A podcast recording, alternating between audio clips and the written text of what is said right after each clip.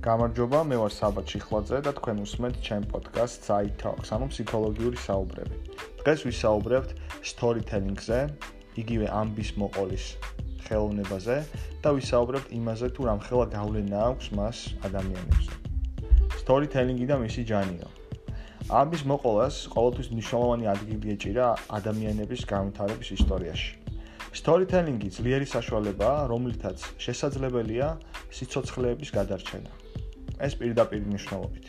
აი ავიღოთ Facebook-ი, სადაც უამრავ ადამიანზე ვრცელდება ინფორმაცია, რომლებსაც ესაჭიროება ჩვენი დახმარება. დიდი სურვილის და მიუხედავად, სამწუხაროდ ყოველას ვერ ვეხმარებით.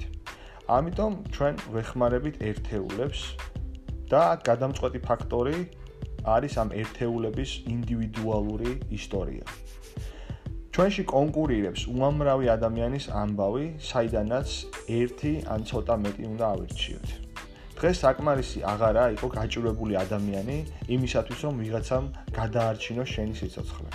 დღეს აუცილებელია გაგაჩნდეს ძლიერი ამბავი, რომელიც ზემოქმედებას, ძლიერ ზემოქმედებას მოახდენს სხვა ადამიანებზე. რაც არ უნდა უხეშად ან შეიძლება სასტიკადად ჟღერდეს ეს ყველაფერი. ეს არის ფაქტი. Storytelling შეუძლია პირდაპირ ნიშნულობით გადაარჩინოს სიცოცხლეები. მადლობა ყურადღებისთვის. მომავალ შეხვედრამდე.